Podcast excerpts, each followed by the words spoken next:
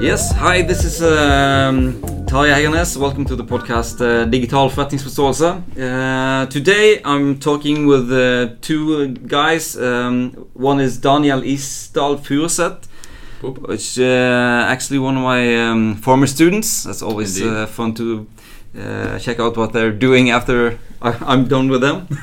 and then we also have his um, his partner Max uh, Gordienok. I hope I pronounce it pretty good. Perfectly. Cool. And um, together they're working in a company called GoScore, and we're sitting in the fintech incubator. What's it? What's it called? The finance. It's, uh, the well- finance room. It's called well, the incubator now is called FinTech Room. The fintech room. Yeah. But I feel like the name is always changing, and I know they're going to change it up again.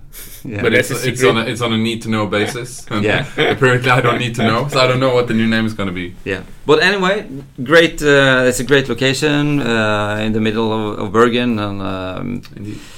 Yeah, I've been here a couple of times, and uh, it looks like like a really like really creative and um, productive uh, environment. So maybe you can say something more about that later. Yeah, for I sure. just want you uh, to introduce yourself and um, tell what happened before we met at this podcast. How, how did you get here? Sure, sure. Uh, I guess I can start. Um, I'm Daniel, as you said. My background is uh, from uh, Høgskolen, HVL. I have a bachelor there in um, economy, administration, business administration. And then I went on to do the master's I got there in, in uh, innovation and management, innovation og ledelse.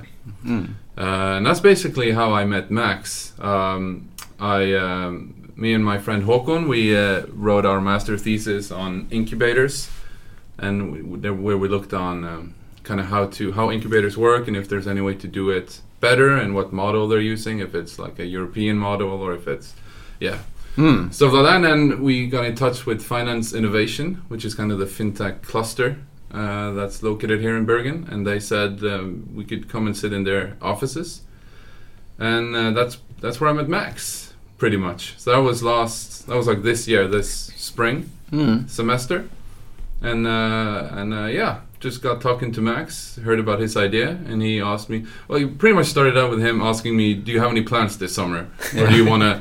Do you want to help me out with a few things? And I was like, I have no plans. Yeah. I'm broke, so I'm not going anywhere. So I might as well help you out, sure. And then it kind of just, uh, yeah, went Hmm. on from there. Yeah, cool. Indeed. Yeah. Absolutely. Yeah. Yes. Totally. So uh, yeah, as you got, my name is Max, and uh, actually I came from uh, Belarus to Norway three years ago, and uh, actually last October I would say I just decided to to start a to start something, and we had an idea. Then I contacted NCE Finance Innovation in order to see we would fit their needs or fit their strategy and uh, all the things. And they say, yeah, cool. What you are doing sounds cool. Your background sounds cool. Just join us here in Bergen. Mm. But then it's just like, yeah, but I'm in Molde. So it's a different story. But yeah, I just moved here and uh, started GoScore this February.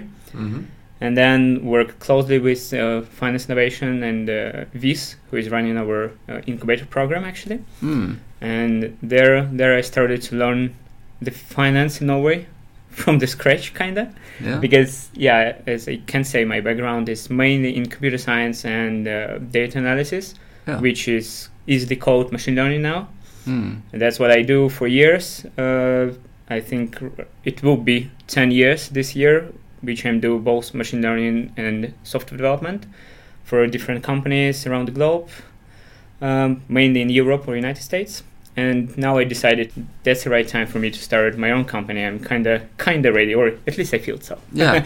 so yeah, that's that's why I moved here in Bergen, and uh, I was so pleased to meet Daniel and Håkon. Actually, I was so surprised by how good they are in what they do in uh, the master thesis they wrote.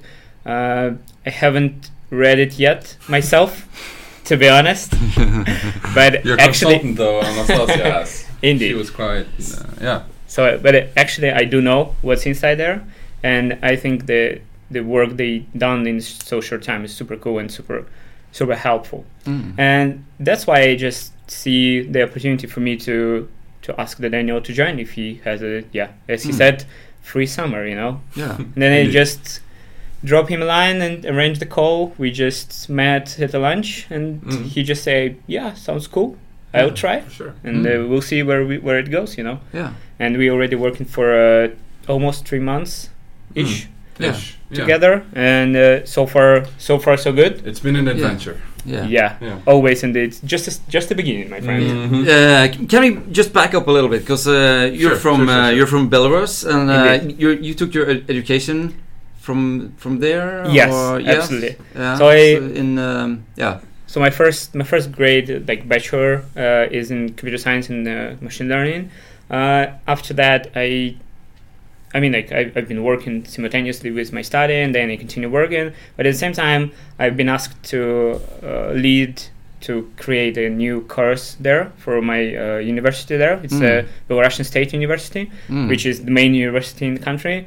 Uh, in, in at the same uh, at the same faculty, I, I, I ended up the same department. I Mm. uh, I finished. So there, I took two years um, teaching the students com- not uh, computer science like software development, but at the same time cloud computing and how the cloud computing affects what they what they would do like in the future and how it works. Mm. like for example yeah a lot of companies move to the cloud now and why should they do it? How to do it properly? How to do it securely? How to store data? How to do whatever whatever they have to do. Mm.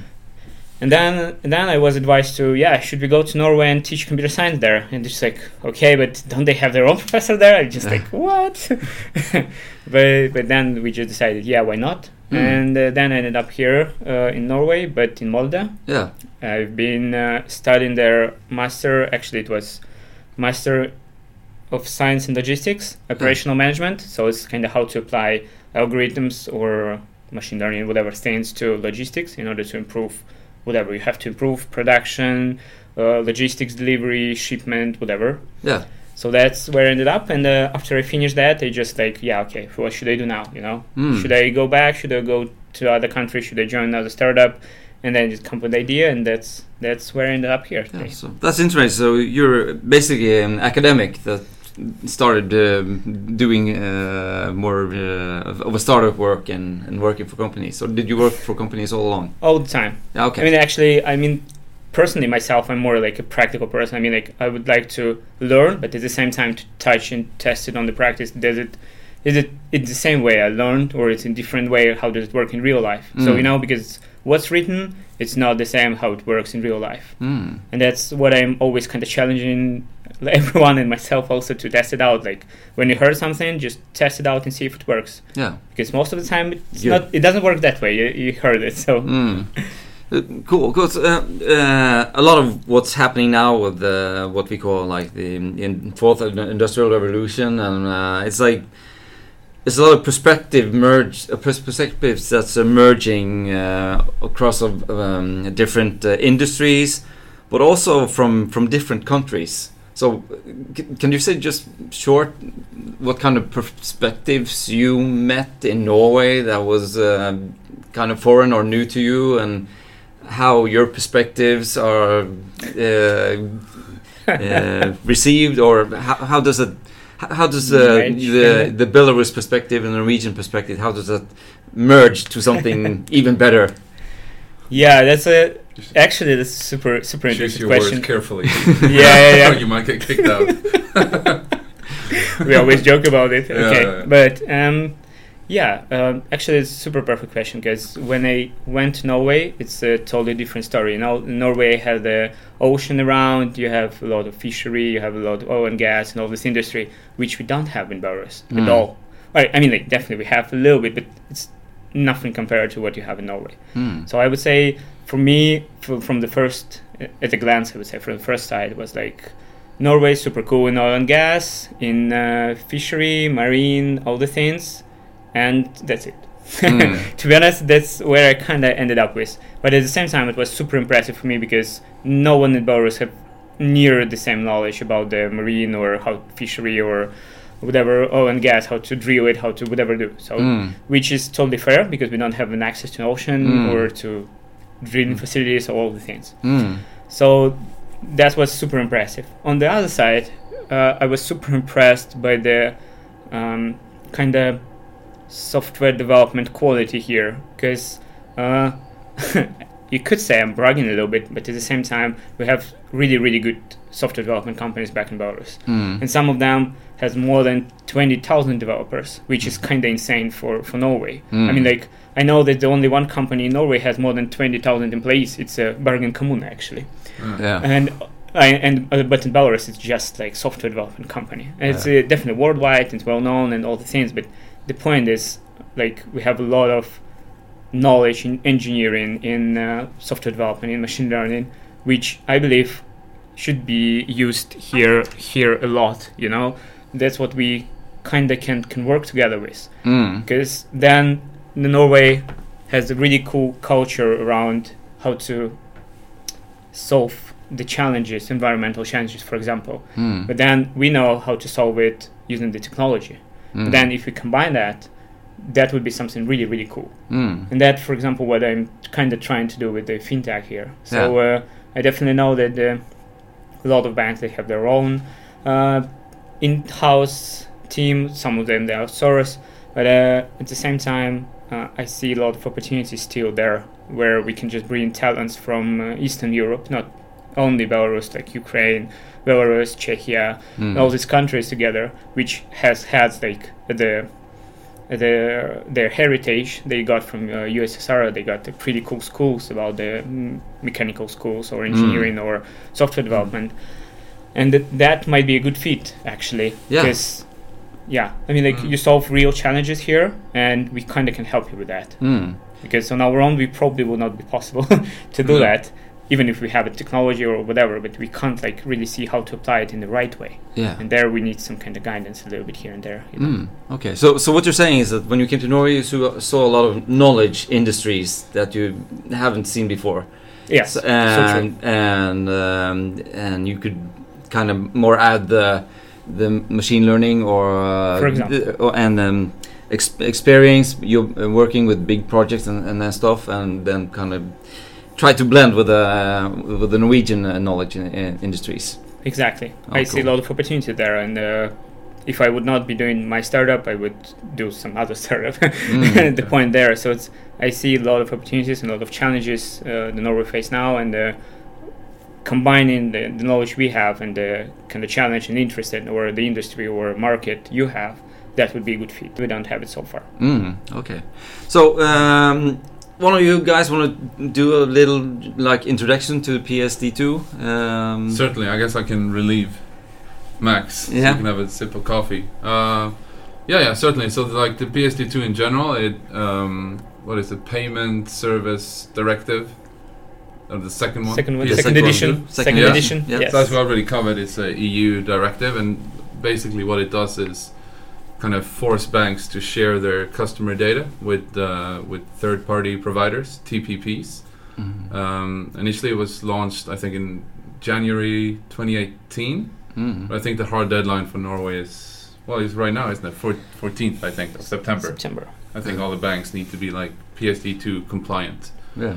So obviously that creates a lot of opportunities for us, for instance, for GoScore. Uh, when the banks share their customer data with third-party providers like GoScore, Mm, it enables us to build sort of like additional services, but then on top of the bank's infrastructure. mm, So that's kind of what, what we're working on in GoScore. We're using the transactional data that the banks provide us to offer the customers, but then also the banks kind of like new solutions for how they onboard their customers or how customers can apply for credit cards or other unsecured loans like forbruks loan, mm. for instance, and kind of seeing how we can automate the process so you don't have to like fill out all the forms and yeah if you're not a customer of the bank you need to become a customer first like all the all the friction essentially Mm. that exists today is kind of yeah the, the issues we're trying to tackle Mm. So, uh, if it wasn't for the PSD2, then GoScore couldn't Uh, exist. probably uh, not or definitely not it's a it's a it's a big part of what we're doing Yeah. So, Yeah. so um, of, of um, the other like fintechs that you work with and know around here, how many of them are uh, based on the opportunities of PSD2? I'd say probably like Holda is the only one that's like I feel is really into fintech. Like we have, because the fintech room is pretty new, Mm. and uh, and the fintech cluster is pretty new as well. So I think there's like six companies currently in the incubator, Mm. and they're all like sort of into like finance or fintech. But I, I think like the like pure fintech companies, it's only us and and one more Mm. who kind of really sees the opportunities of PSD2, Mm. or where the PSD2 is kind of the enabler for their idea at least Mm. and their value proposition. Yeah, cool. Yeah. So, uh, can you just tell me a little bit more? What uh, what does GoScore do? Uh, for uh, what do they do for the um, the end customers, and what do they do for the banks? And Mm. how is it to uh, how is it to work with banks who's been forced to give away their uh, most valuable asset? Is, Yeah. there any is there, is there some friction there, or just Uh, yeah, yeah, yeah, for let's, sure. Let's, for let's sure. hear. Let's hear it. Uh, yeah, you could probably correct me if I'm overstepping here, Max. But yeah, no. So of course, like when you say that the banks are forced, it's more like they're they have to share their APIs, as we Mm. call it, Mm. uh, to grant us access. Um, it's been, I would say, it's been fascinating. Like on the one side, it it creates obviously it creates competition for the banks. Mm. You know, there's a lot of startups like us who can now kind of re- like in some ways replace the banks. Like you can, you don't have to go through your bank to pay your bills anymore, for instance, and stuff like that. So certainly there's been competition, but there's also there's also a lot of opportunities. You know, like for us, for instance, we're not we're not trying to replace the banks in any way. We're trying to kind of help them deliver more value to their customers. Mm. So yeah, so like when we're contacting banks, that's kind of the the angle we're trying to, to sell them. That we're not trying to, to take your customers away from you, or we're not trying to be a competitor in any way. We're just trying to we've taken like uh, specific aspects of what you're delivering, Mm. and we're trying to show you that there's a better way to do those things, and and this is a possible one of those ways. Okay, so so Yeah. if I uh, sign up to GoScore today, Sure.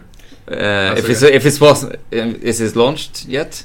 No, not yet. So okay. we so but, but if it was launched, but you, then, you uh, can sign up for our beta users actually. Okay. So that's that's that's what you can do, and uh, pretty soon you will get an access to a secret, you know, exclusive group of Mm. our first customers with a feedback thing and all this kind of more. You can just put more of your thoughts into the GoScore and help us to Mm. evolve. So that's what that's what you can do today. Yeah, but uh, but if it was released Yeah. now and I was a customer, uh, what would what would uh, what would happen when I open the app or how, how does it work? Absolutely. uh, the main Just share the vision. Absolutely. Yeah. So uh, I definitely kind of share the future vision now, and uh, when you open the app, you will just get uh, into the kind of our small ecosystem about the small services and products we develop for for the banks and for the customers at the same time. Mm. For example, first of all, you will be asked for to share us some data uh, about yourself. For example, your transactional data from your daily bank, Mm. the bank where your salary is in, and all the things. And then we start kind of your journey from there. So the point, what you first see is your transactional feed in a nice way. Not like now you see this strange description in your mobile bank, but clearly understandable things. For example, if you went to to Kiwi or Rema Tusen uh, store, then you just you would see like Kiwi Newsgård as Bergen Newsgård or something. But Mm. in our app, you would just see Kiwi, then you would see like where it's located, small map, wh- how much have you saved there, nice logo, and all this kind of fancy, fancy things. At the same time, you will be available to see uh, what's your kind of habits or kind of our insights about you, where you spend most money on that. Uh, have you spent more money on that this month compared to the previous month or previous year, and all the things. So it's kind of all these kind of small insights you can Mm. get It's, out of it's your kind data. of like a, a dashboard over your, your spending. Your Indeed. personal finances. Indeed, Yeah. indeed. Yeah. So it's uh, small things that should should help you to understand your finance first, and then to understand. Okay, I spend a little bit more on gambling this month. Maybe I should stop. You know, Yeah, yeah, yeah. a little bit. Uh, it's Mm. hard to stop gambling. You know. Uh, yeah, but but will uh, will it come? Will I get suggestions that I should stop buying No. clothes or something? Or uh, no, no. No. not really, because that's kind of up to you, and we don't want to be like dictate you what to do. Then Mm. we kind of come up with the idea. Yeah, here's what you kind of makes you different from the previously kind of spending patterns you had. But that's kind of up to you to, to take an action on that. We kind of suggest you to think about that and improve it, but that's totally up to you to what, Mm. what you're going to do then. And uh, that's kind of only the first thing you, you see right in the app. If you just go to the to the other tab, you can go to your credit scoring thing or what we call so far financial health. Mm. So the the main idea there to show how stable or sustained your financial health is. So the, the bigger the score, the more sustainable your financial situation or profile is, you know, Mhm. for us. And then you can just understand, okay, so here is a number, but what the hell does it mean, you know? And then you just see what does it mean, where you are kind of, you know, at a line compared to kind of, not to like your friends, but kind of to everyone Mm. where you are, but at the same time, it helps you to understand what you're doing good with your finance and what are you're doing kind of wrong and what you have, have to improve in order to, Mhm. to improve your kind of score. So it's um, it's a really really simple really or we are trying to make it as simple as possible. Uh, I think it's simple, but it's it's not. No. the point there is. Um, you can see the score and understand what you can do to improve it, Mm. and that will help you to get access to better services from the banks, for example, or Oh, from mm. car dealership, or from your cell- cellular provider. Okay. That's kind of our, our main vision to, to help you to understand. Okay, now I'm at this stage, and what should I do to improve it to get like better Mm. interest rate, for example, or better car like from the uh, car sharing service, whatever. So that's that's how you use it, or a better iPhone. you know, the iPhone came yesterday out, so how to get a new iPhone? You know, Mm. uh, for example. So it's uh, it's for people who uh, have trouble getting loans, or all, and yes. then you Yeah. could like improve your your credit score. But the big question is, will that credit score hold value with the banks? Do it? Does it hold value with the banks now, or will it after Daniel talks to them, or uh, Yeah. what's, what's the well, plan? hopefully, hopefully both. Hopefully, it holds value now and then. But yeah, no. But that's that's that's um, a big part of the point because obviously what he was sharing now is like the future vision, where GoScore is like the go-to supplier of credit evaluation. Like a big part of the app that he's explaining now is just teaching people because everyone has a credit score Mm. but not everyone necessarily knows that they do and they don't understand what it is. So if you go Okay. through the app, you can kind of first of all you can see what your credit score is, alltså kreditevaluering på Mm. norsk. Uh, and then you'll kind of will explain to you why is your number, you know what it is, how did it get there, and and how are the banks using it? Like when you apply for a credit card or you apply for a boliglån, loan, whatever. The you know the credit score is kind of like ninety percent, I'd say. But but uh, it, it, uh, this credit score number is it corresponding with the the other um, Yeah. companies that uh, do credit scores? So if uh, Well, hopefully if, it'll I, be. if- uh, yeah, so if I Yeah, yeah, if, yeah. If, if you get like a new mobile phone or something, Mhm. yeah. then you'll get a letter that uh, they did a credit score on you to see if you're uh, Yeah. if, if you can uh, rack off Afford if, if you'll if you'll pay your If you- phone bill and yeah, yeah, if you start calling somewhere you shouldn't. Yeah. Yeah, yeah, So, yeah. so, so, So- so that that will be like synchronized or or be- kind of I something mean, like that. we can't say it will be synchronized because none of us at the credit relation companies will share how we do it like 100% Mm. and what we are trying to do is to, to make it transparent and simple as possible for everyone uh, and uh, yeah that's why we do other things so what i'm trying to say is um we're doing that in the, the most transparent way as possible uh, but at the same time we can't compare it 100% to to the other players you know Mm. and even if we could it might be some cu- number of customers who will have completely different score on us and Mm. on them and that would be totally fine because among them they also get have some differences but Mm. in general like they will correlate a lot definitely so the the bigger cro- score you have uh, at goal scorer will definitely or most of the time will lead to bigger score on other players Mm. but uh, the point, I mean, there you should kind of understand that where we are getting the, this credit health or credit score uh, or health, financial health, what we call so far, uh, we are using a little bit different sources of data about Mm. the customer.